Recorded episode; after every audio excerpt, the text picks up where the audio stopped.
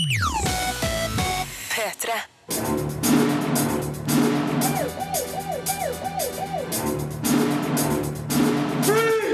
Filmpolitiet! What's your name, dude? Birger Vestmo.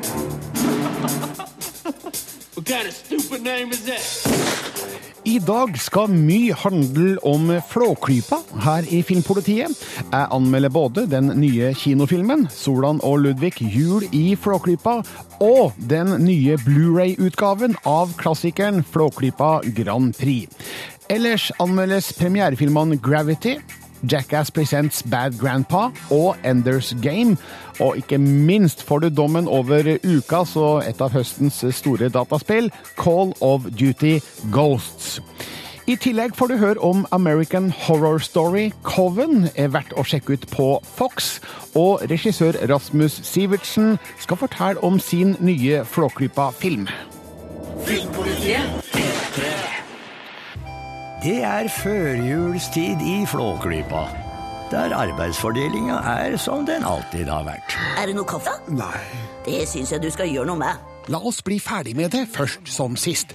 Solan og Ludvig jul i Flåklypa er dømt til å bli sammenligna med Flåklypa Grand Prix.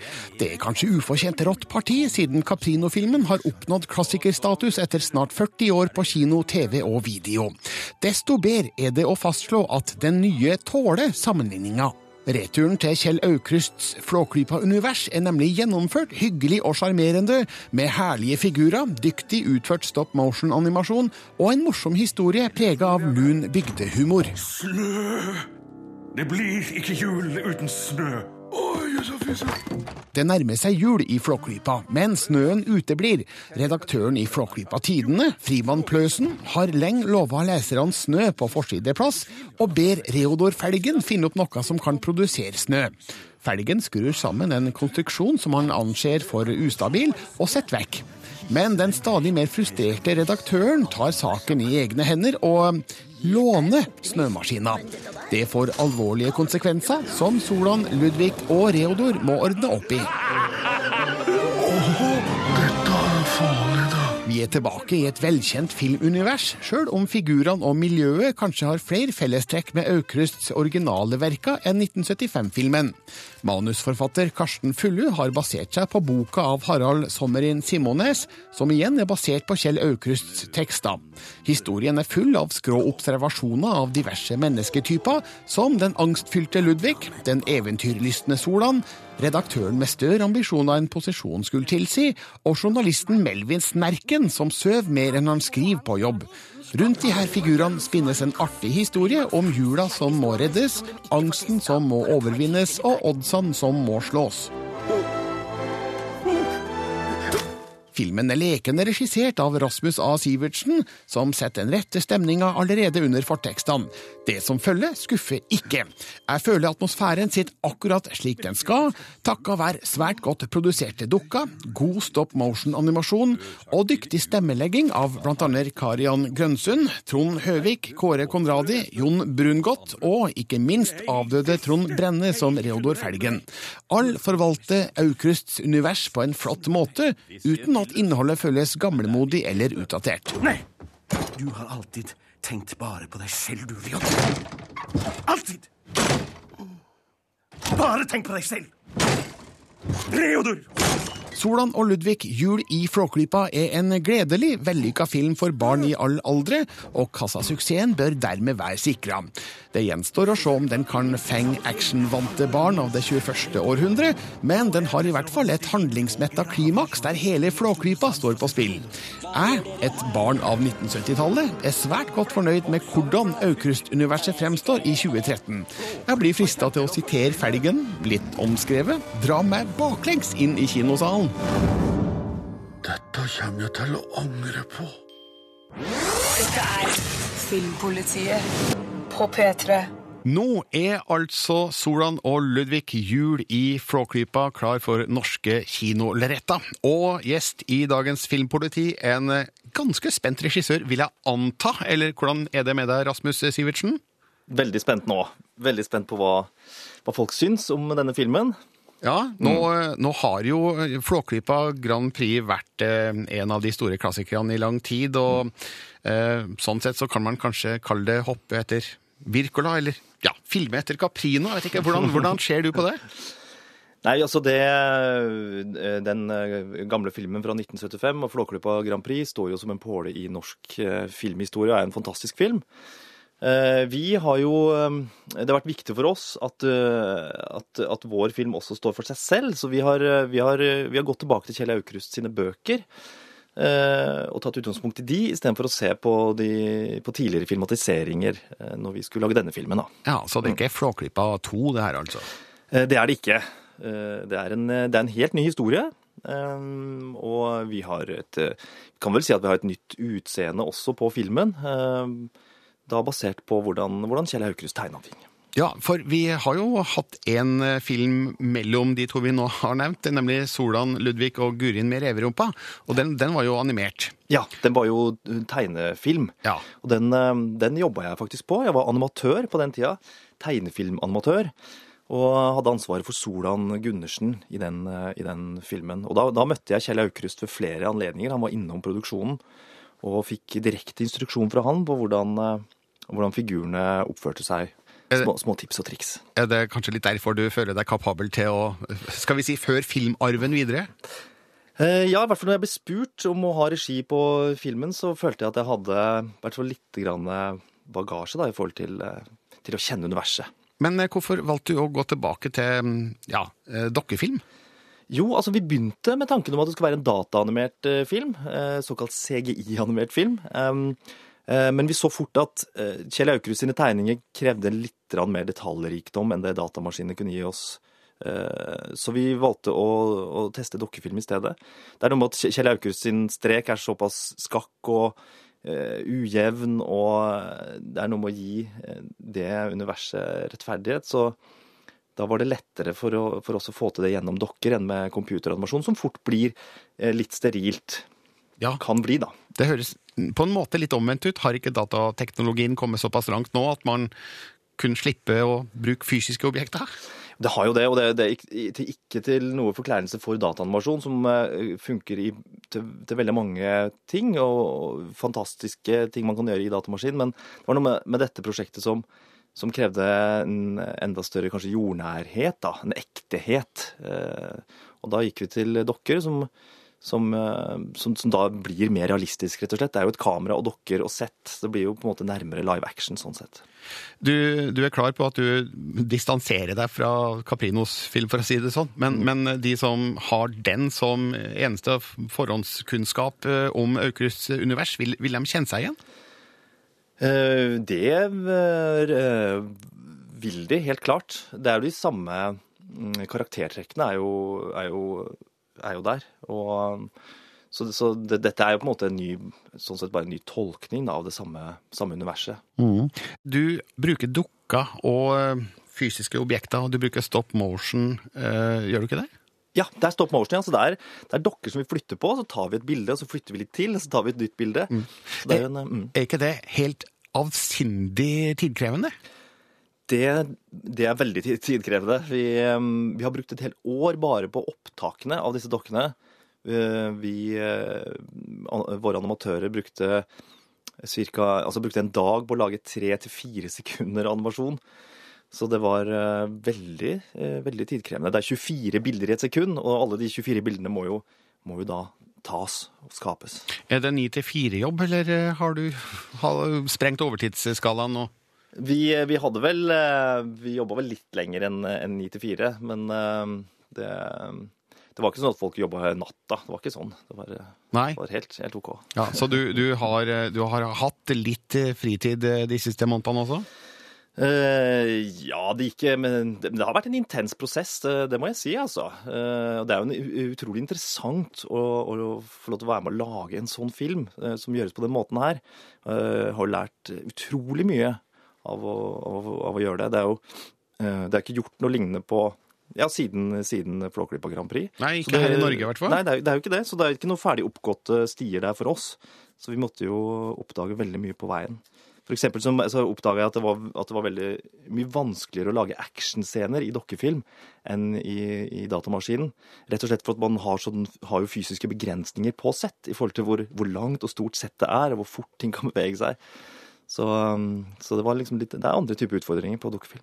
Vi har jo sett en del eh, dokkefilmer de siste åra, som f.eks. 'Caroline og Den hemmelige dør, Paranorman, eh, Frankenweenie tror jeg også var Mm. Ja. dokkefilm. Ja. Eh, Men nå vil jeg anta at du har hatt en brøkdel av disse budsjettene når ute med. Det er sant. Vi, um, Hvordan, går du, hvordan omgår du det? Ja, ehm, det er jo rett og slett det, er jo sånne ting som at det er færre dokker, eh, færre karakterer med i filmen enn f.eks. i Frankenweenie og disse andre filmene. Så man må jo ta sånne hensyn når man, eh, når man har et lavere budsjett. Men, men publikum som går og ser disse filmene, de har vel muligens ikke eh, ja, forståelse for det. Altså, hvordan skal du kunne matche og konkurrere med de andre filmene som har så mye flere ressurser å, å bruke? Ja, Så jeg tror at uh, her det, handler liksom om størrelsen på, på universet mer enn en kvaliteten, hvis du skjønner hva jeg mener. At er, eh, har, vår historie er en, eh, en nær og liten eh, julehistorie som eh, på en måte ikke krever store folkemasser og, og de tingene der som er det som koster, eh, koster mye penger, da. Nå er det en ny generasjon kinogjengere som er klar for filmen, som kanskje ikke har sett eh, Flåklypa før, og ikke vet hvem Kjell Aukrust er. er. Altså, eh, har du trua på at dette vil treffe barna i dag, eller blir det litt eh, gammeldags og gammelmodig? Ehm, Det er eh, For det første vil jeg si at eh, Kjell Aukrust sitt univers er jo, er jo såpass rikt og, og frodig at, at det, kan, det overlever i mange, mange år, mange generasjoner. Og, det, han, han, ja, hans univers treffer jo veldig den norske folkesjela, tar oss veldig på kornet. Eh, Han var jo en stor, eh, stor humorist. Og eh, han skrev jo også for Han skrev jo mest for voksne, egentlig. Og det har også vi tatt med inn i vår film, at det er, en, det er ikke en film kun for barn. Det er, det er, det er også voksen, voksenhumor og satire i det, på samme måte som, som i Kjell Au- Aukrust sine bøker. Ja, så her går det så bredt ut som det er mulig. Ja, det kan du si. Hvorfor ikke? Det kan gi klingende mynt i kassa. Og det kan komme godt med. Du, du skal lage mer film. Ja, nå eh, skal vi jo lage en film til om eh, Flåklypa-universet. Vi skal i gang rett over nyttår med en film som heter 'Herfra til Flåklypa'. Som er en helt uh, ny historie igjen. Mm. Det høres veldig bra ut. Til lykke med premieren, Rasmus Sivertsen. Takk for det. Og takk for at du kom hit. Takk skal du ha. Og her skal det anmeldes nok en av dagens premierefilmer. Yes, yes, yes, I copy. I'm detached. I'm, I, I don't know. I don't know. I'm spinning. I can't. Gravity er en ny romfartsklassiker som kun har vært signert Stanley Kubrick eller Ridley Scott.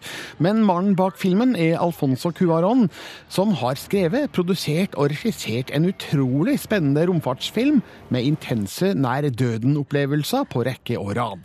Sandra Bullock og George Clooney er omgitt av utrolige effekter som overbeviser meg totalt om at både dem og jeg befinner oss i bane rundt jorda under totalt katastrofale omstendigheter. Gravity er ikke helt perfekt, men er likevel en stor filmopplevelse. Astronauter jobber på Hubble-teleskopet når det plutselig skjer noe som forandrer et rolig oppdrag til en livstruende situasjon. Fartøysjefen Kowalski, spilt av George Clooney, og astronaut Stone, spilt av Sandra Bullock, må foreta drastiske valg for å ha en mulighet til å overleve og komme seg trygt tilbake til jorda. Men verdensrommet er et ubarmhjertig sted, der den minste lille feil kan få de alvorligste konsekvenser. Jeg trenger ikke være mer spesifikk på handlinga enn det her. Man down. Man down.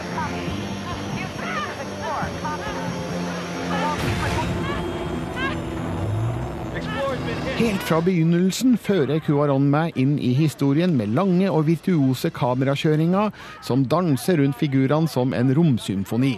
Synet av jorda er så uendelig vakkert at jeg nesten skulle ønske filmen kunne tilbringe enda mer tid der før helvete bryter løs. Men når spenninga først tiltar, greier jeg nesten ikke vente på neste utvikling.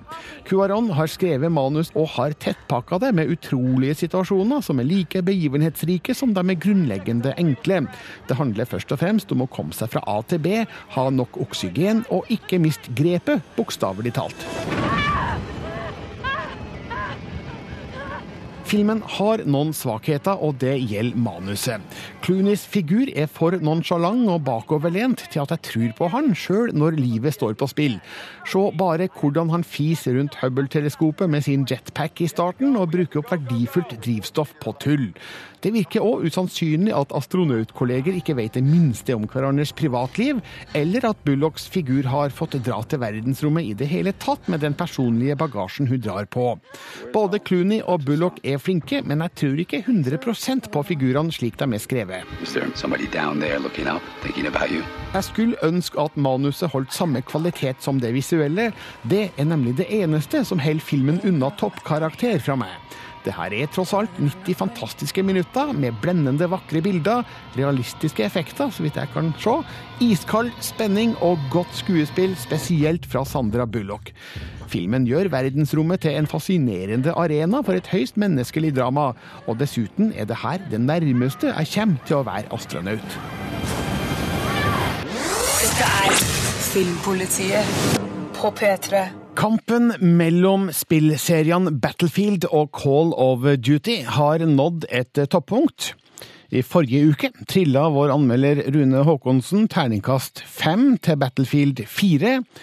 Kan erkerival Call of Duty Ghosts hamle opp? Det får du svaret på her.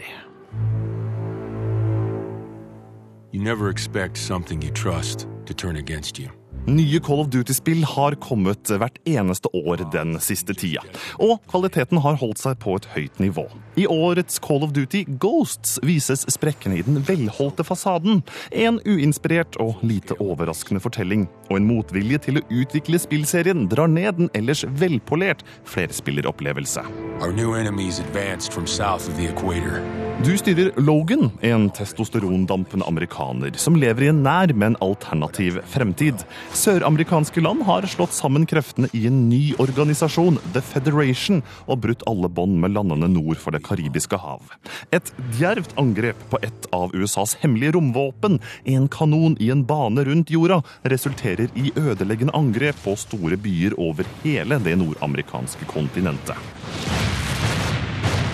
Årene går, kampene mot en fullskala invasjon av moderlandet fortsetter, og i frontlinjene står The Ghosts, en gruppe spesialsoldater som bruker geriljataktikker for å beskytte de gjenlevende amerikanerne. Logan reiser fra sted til sted i høyt tempo sammen med broren Hesh og en hund, for å skyte ned det som finnes av motstand. De imponerende scenebyttene byr på en variert visuell opplevelse, med oppdrag over og under vann, og med bikkja Riley som en av Ghosts spillet sine største nyvinninger. Men følelsen av at jeg står foran en skytebane på et tivoli, er likevel det som står igjen. Ulike soldatdukker hopper opp på forutsigbare plasser omkring meg, og det oppleves som om jeg kan sikte meg inn på neste motstander før jeg har sett ham eller henne. De beste øyeblikkene er når spillet sømløst og i godt tempo bygger opp eh, spenningen, som i oppdraget hvor du under dekke må ta deg inn i et snøfylt fjellområde. Men disse øyeblikkene drukner i mengden oppdrag som ikke tar seg bryet med å veve en solid historie ut av spillet. Mer enn én en gang måtte jeg spørre meg sjøl hvor er jeg egentlig nå? Men som med Battlefield 4. Det er ikke historien som er det viktige for de mest hardbarkede tilhengerne av Call of Duty-spilla. Ved siden av allerede etablerte spilltyper som Domination og Kill Confirmed er det et lass av nye Modi som gir god variasjon i Call of Duty Ghosts. Det er ikke snakk om noen revolusjon, men den Halo-lignende Infected, hvor spillere blir til zombier etter hvert som de dør, er intens. I Extinction må du sammen med tre andre spillere bekjempe en romveseninvasjon i en søvnig amerikansk småby. Kartet er stort, og du må gjøre en rekke taktiske valg med dine medspillere for å redde byen og fjerne redene til de fremmede vesenene. Sammensetningen av laget og godt samarbeid er helt nødvendig, og derfor også den beste delen av flerspillermulighetene i Call of Duty Ghosts. A man who truly loves his country doesn't just give his life, he gives his sons. På randen av en ny konsollgenerasjon er det tydelig at Activision og utvikleren Infinity Ward har latt innovasjon bli igjen på stasjonen. Call of Duty Ghosts er et spill som serverer alt hva tilhengerne ønsker seg, med en solid flerspillerdel, men en enkeltspillerhistorie som lar klisjeene dominere. Spillet stiller seg ikke på skuldrene til sine forgjengere, men ved siden av. Og neste spill i serien bør klatre et par meter opp på stigen om Call of Duty skal beholde sin enorme popularitet.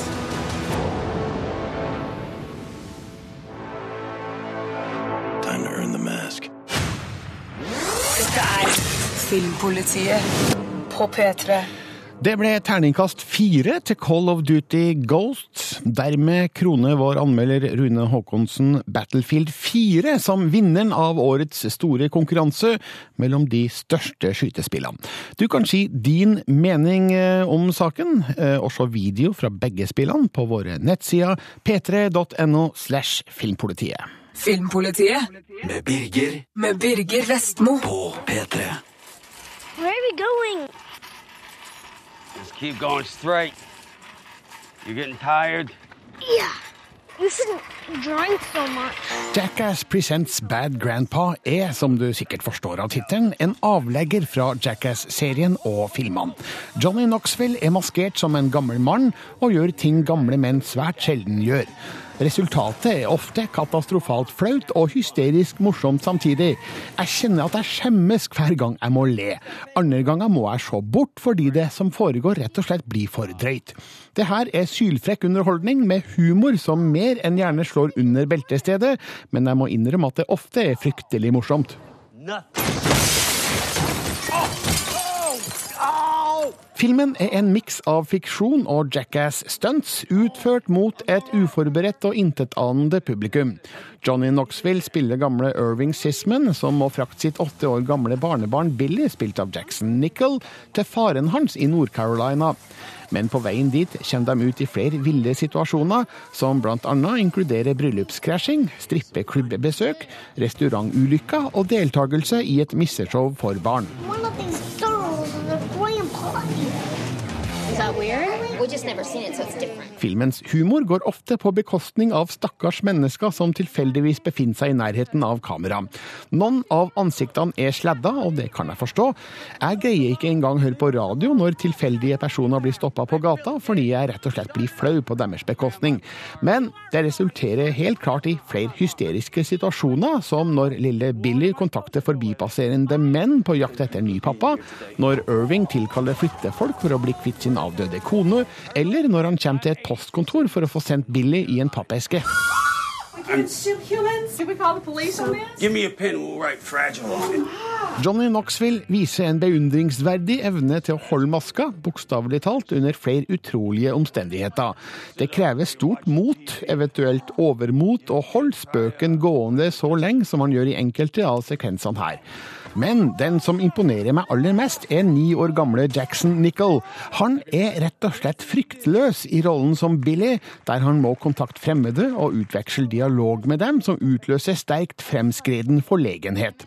Han er heller ikke redd for å gå inn i situasjoner som kan gjøre han til latter, men han virker å ha full kontroll på oppgavene sine. Jackson Nicol er en viktig grunn til at Bad Grandpa fungerer så godt som den gjør. Jackass Presents Bad Grandpa er nok først og fremst mynta på dem som allerede kjenner til Jackass-serien, og er innforstått med humoren. Regissør Jeff Tremaine har også produsert filmen sammen med Johnny Knoxville og Spike Jones, og de pusher grensene for sømmelighet også denne gangen. Den tynne historien i filmen er kun et redskap for å få Jackass-humoren i gang, men jeg syns det her fungerer bedre enn det kanskje burde. Dette er Filmpolitiet på P3. Her er det noe muffens. Er det noe gærent nå? Flåklypa Grand Prix, norgeshistoriens største kinosuksess, er endelig tilgjengelig på Blu-ray og har fått den behandlinga den fortjener. Bilde og lyd er nær førsteklasses, og ekstrastoffet er rikt og informativt.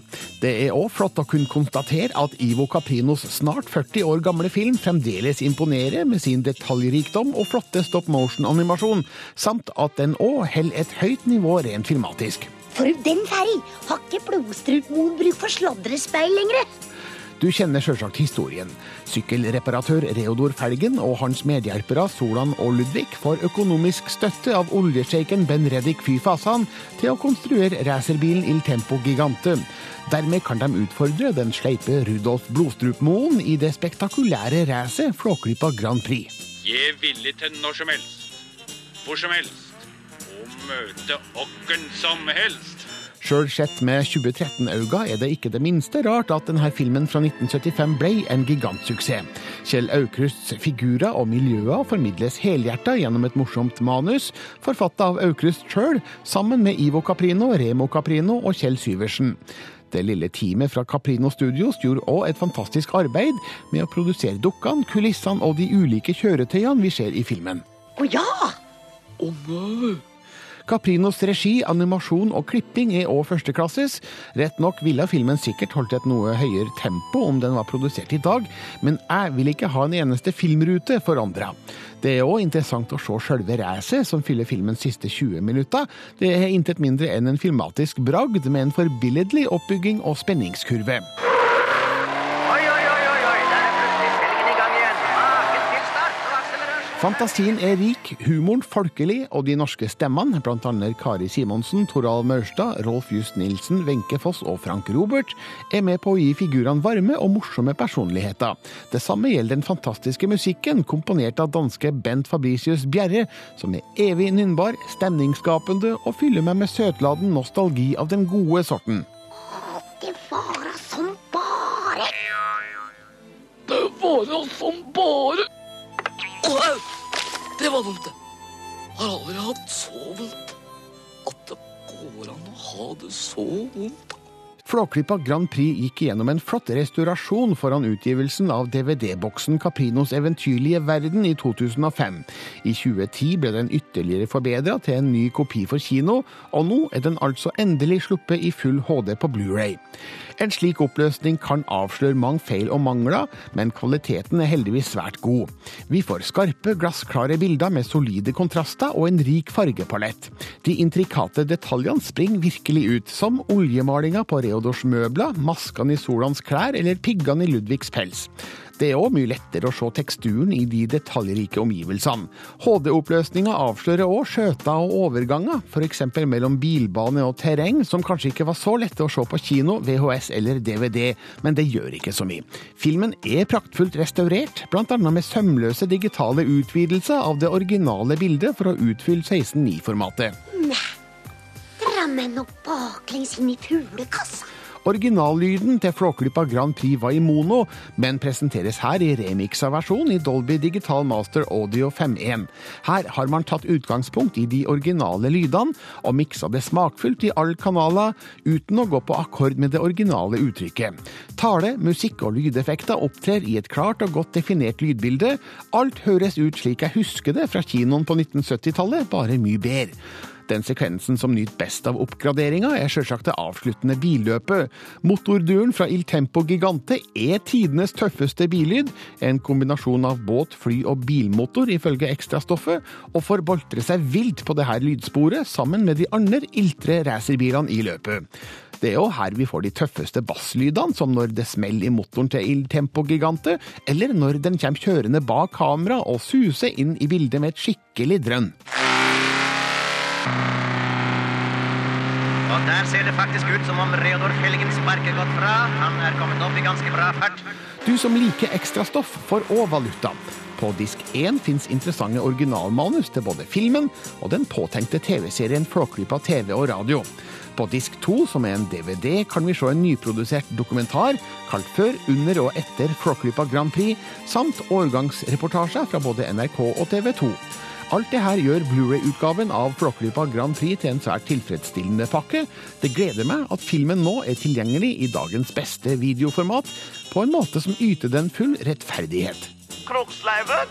Du er på luften, Kroksleiven. Vær så god. Du er på luften. Filmpolitiet. There is a storm coming. My great literacy began with Greek mythology. The Minotaur was always my favorite. She done mess with the wrong witch. Every soul that is not saved by God is a soul that will be cast into the flame. When witches don't fight, we burn. Too late for tears. Damage is done. Den tredje sesongen av American Horror Story starta på kanalen Fox på onsdag. Denne tredje sesongen har undertittel Coven, og Marte Hedenstad, du har sett de første fem episodene av det her. Ja. Eh, Kan du bare forklare for de som ikke kjenner til American Horror Story, hva slags serie er det her? Ja, det her er jo en serie som rett og slett har et nytt tema for hver sesong. Det er de samme skuespillerne stort sett. I første sesong så handlet det da om en hjemsøkt familie.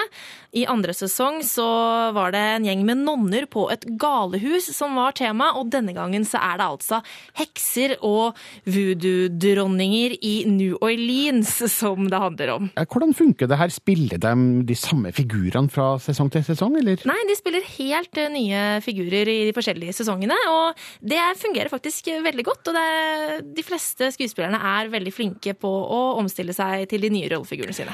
Men nå er det altså heksa som er i fokus. Eh, Er det noe, da? Vet du hva, det er veldig gøy. Jeg er jo veldig glad i hekser og alt det okkulte. Ja. Eh, Og i denne serien her, da, så er det da rett og slett en slags krig mellom voodoo-kulten i New Orleans og de gamle heksene fra Salem-tida. Hvis du har hørt om det, vet du, det er heksebrenningen i Salem og sånn, vet du. Ja, er de i en slags krig med hverandre, da? Ja, det er sånn gammel, gammel rivalisering som har foregått eh, lenge her. Eh, og så er det, da handler det om faktisk en virkelig person som heter Madame Lalaurie, som er en seriemorder fra eh, New Orleans, som denne voodoo-dronningen eh, har gitt evig liv, og så gravd ned eh, for at hun skal få sin straff. Og så blir hun da gravd opp igjen i vår tid, og da bryter helvete løs, da, vet du. Ok, Hva slags helvete snakker vi om her nå? Altså, Det heter jo American Horror Story. Det her Er det noe horror? Det er litt grann horror, men eh, denne sesongen er ikke så skremmende som de to første sesongene har vært. Eh, Men eh, det er litt sånn eh, zombier med i eh, bildet her, og det er en del makabre scener eh, i forbindelse med sånne voodoo-ritualer og sånne ting. Men absolutt ikke så veldig skummelt eh, denne gangen, men likevel veldig spennende. Ja, men eh, skulle det ha vært litt mer gørr og guffe? Om det trenger å være mer gørr og guffe, er jeg ikke helt sikker på. Men det er litt sånn Jeg hadde et lite problem med spesielt én scene i den, i den sesongen her, hvor det kommer et sånn zombieangrep mot heksene. Så drar den ene heksen frem en svær motorsag og begynner å hakke løs. Og som en slags eh, hyllest til eh, gode, gamle zombiefilmer. Mm. Eh, Og istedenfor at det er skummelt og skremmende, så blir det rett og slett litt grann parodisk. Så det blir komisk istedenfor å være skummelt. Så sånn sett burde det kanskje vært litt mer grøss og gru med i American Horror Story Coven. Det her går altså på TV-kanalen Fox på onsdager. Den første episoden gikk da i forgårs. Eh, er det anbefalt? Marte Hedenstad. Ja, jeg syns absolutt det er verdt å få med seg. Terningkast fire fra meg til Coven. Og full anmeldelse finner du på våre nettsider p3.no filmpolitiet. P3. P3. There's greatness in you, Ender. The world needs you. You see things in a way we can't. Regissør Gavin Hood, kjent for Totsi, Rendition og X-Men's Origins Wolverine, har hatt store ambisjoner med Enders Game. Dette er ikke bare en science fiction-film med fantastiske effekter. Den forsøker òg å kommunisere tanker, ideer og temaer i et større perspektiv. Det er modig gjort, men gir ikke full uttelling. Noe av historien fremstår som en science fiction-film fra 1950-tallet, med en litt naiv fremstilling av menneskers møte med utenomjordisk intelligens. Filmens emosjonelle kjerne virker òg en smule distansert, men Hoods ambisjoner gjør likevel filmen verdt å se. You'll be the finest commander we've ever trained. So I'm not the first? No. But you will be the last. Jorda har slått tilbake et angrep fra en utenomjordisk rase kalt formikene. Nå bruker menneskene ungdom i den datakontrollerte kampen, fordi de er i stand til å ta harde strategiske avgjørelser kjappere enn voksne. Ender Wiggins, spilt av Asa Butterfield, blir rekruttert av oberst Gruff, spilt av Harrison Ford, og vi følger hans vei opp i det militære systemet mot en kamp i verdensrommet som blir annerledes enn han hadde forestilt seg. Track them from below the ice and mirror their path. Tell you. He's the one. Jeg kjøper historiens utgangspunkt. Fremtidige kriger blir utspilt foran dataskjermer, og hvem er bedre i krigsspill enn ungdom? Filmen bruker mye tid på å vise Enders motgang og fremgang i en vektløs øvingsarena, som ikke er ment å trene dem i fysisk krigføring, men i strategitenkning. De her scenene har et visst spenningsnivå, men skikkelige sci-fi-smell blir det først når Ender og hans ungdomssoldater går inn i tøffe simulasjonstrefninger mot fienden. It's no longer a game. 16 år gamle Asa Butterfield, kjent fra The Boy in the Striped Pyjamas og Hugo Cabret, er kanskje ikke fullvoksen som skuespiller, noe rollen hans iblant bærer litt preg av, men har like fullt kvaliteter som gjør han interessant. Harrison Ford derimot virker å være uinteressert i å bruke mer energi enn høyst nødvendig i sin rolle som Graff. Her hadde filmen behøvd sterkere innsats i rollen for å øke den emosjonelle risikoen. Forholdet mellom Ender og Graff blir for vagt. Like? Dragon Army. Enders Game er basert på en bok av Orson Scott Card, som visstnok skal være anbefalt lesning i US Marine Corps pga. tematikken rundt strategitenkning og lederskap. Jeg har mistanke om at boka stikker dypere enn filmen, sjøl om forfatteren er en av produsentene. Men den er severdig, både fordi den inneholder heftig romkrig, og fordi den tør forsøke å være mer enn bare det.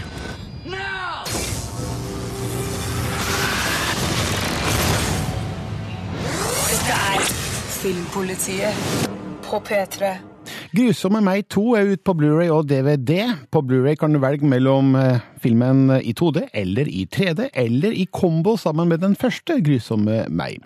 Her er Andreas Hatzel Opsviks anmeldelse av Grusomme meg 2. Bobo gip, bo doa da, do da, doa ma.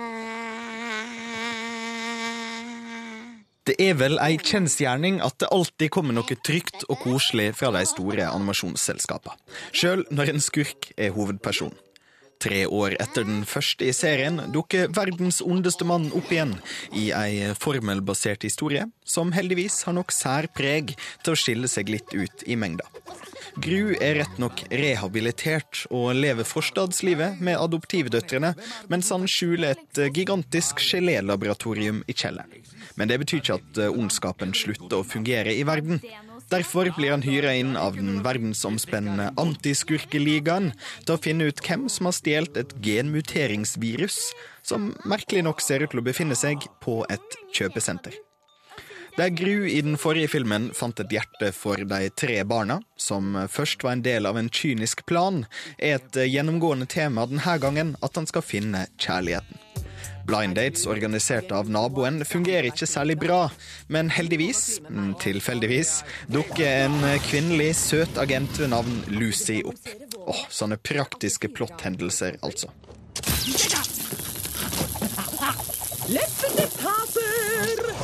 Animasjonen er velpolert, slik en bare kan vente det fra de store animasjonsselskapene. Mange av figurene kunne like godt ha vært fra de fleste Pixar- eller Dreamworks-filmer. Samtidig har viktige deler av universet rundt Gru akkurat så masse sjel at det skiller seg litt ut. Scenen der Lucy kjører sin hverdagsbil slash ubåt slash jetfly ut i havet, er blant filmens stiligste. De små klona hjelperne, The Minions, bringer fremdeles mye av filmens sjarm og humor. Tross sitt kvinete tullespråk er de noe av Grusomme tos mest uttrykksfulle og sjarmerende figurer. Det er alltid fint når det, som åpenbart starta som et merchandise-lokkemiddel, òg virker seg å ha en god effekt på sjølve filmen. Spesielt når de denne gangen spiller ei større rolle. Flere andre av figurene er stort sett enkle pappfigurer, tross filmens godt gjennomførte 3D-effekter.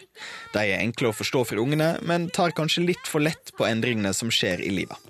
Den 13 år gamle Margot kommer i hvert fall raskere over si tenåringsforelsking enn noen andre 13-åringer jeg noensinne har vært borti. Ikke at jeg har vært borti så mange 13-åringer, altså. Jeg lover.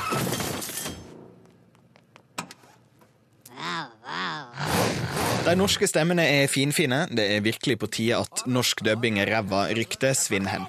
Alex Rosén viser med sin gru at han har flere strenger å spille på enn den raspete latteren og overanstrengte stemma han stort sett har på TV. Og de andre rundt han faller fint inn i universet. Manuset kommer fra Ken Daurio og Cinco Paul, gjengen som òg står bak Horton og Lorax-filmene. Stort sett middelmådige historier basert på barnebøker. De viser seg som flinkere når de kan skape fra sitt eget materiale, og noen klisjéfylte stereotyper til tross, universet har fremdeles leverett. Filmen er perfekt tima sommerunderholdning for de dagene da du er lei sola og badevannet strengt talt ikke er så forlokkende. Alt i alt ender Grusomme meg 2 opp med å bli selve kroneksempelet på terningkast fire. Velpolert, akkurat passe artig, god, men like trygt som et postkort fra Kreta. Nydelig vakkert på framsida, litt flatt bakpå. Sumerleg Helsing Andreas. Dette er Filmpolitiet på P3. Og som du sikkert forsto, denne anmeldelsen laga Andreas i sommer, da Grusomme meg 2 hadde kinopremiere. Nå er den ut på Blu-ray og DVD. Da er Filmpolitiet straks ferdig. Jeg heter Birger Vestmo. Ha det! Dette er Filmpolitiet med Birger Vestmo. Med Birger Vestmo. Hør flere podkaster på nrk.no podkast. P3.